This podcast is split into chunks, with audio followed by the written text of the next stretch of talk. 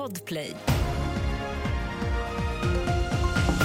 Här är senaste nytt som börjar med att flera skott avlossades mot en lägenhetsdörr i Sköndal i södra Stockholm under natten. Det finns i nuläget inga uppgifter om personskador eller kopplingar till den pågående våldsvågen. Några timmar tidigare inträffade en liknande skjutning i Sävja söder om Uppsala. En person befann sig i lägenheten men klarade sig utan skador och det finns inte några uppgifter om misstänkta eller gripna. Minst sju människor har omkommit till följd av ovädret Kiarans framfart över västra Europa. Från norra Tyskland ner till Spanien har miljontals människor drabbats av stormen och i flera länder har flyg, tåg och färjeresor ställts in på grund av vindar med orkanstyrka och enorma skyfall.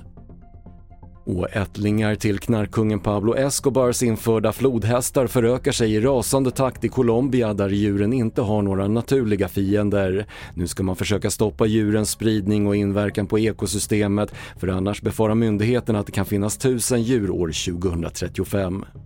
Fler nyheter finns på tv4.se. Jag heter Patrik Lindström.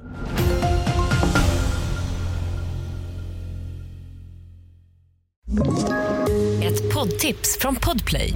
I fallen jag aldrig glömmer djupdyker Hasse Aro i arbetet bakom några av Sveriges mest uppseendeväckande brottsutredningar.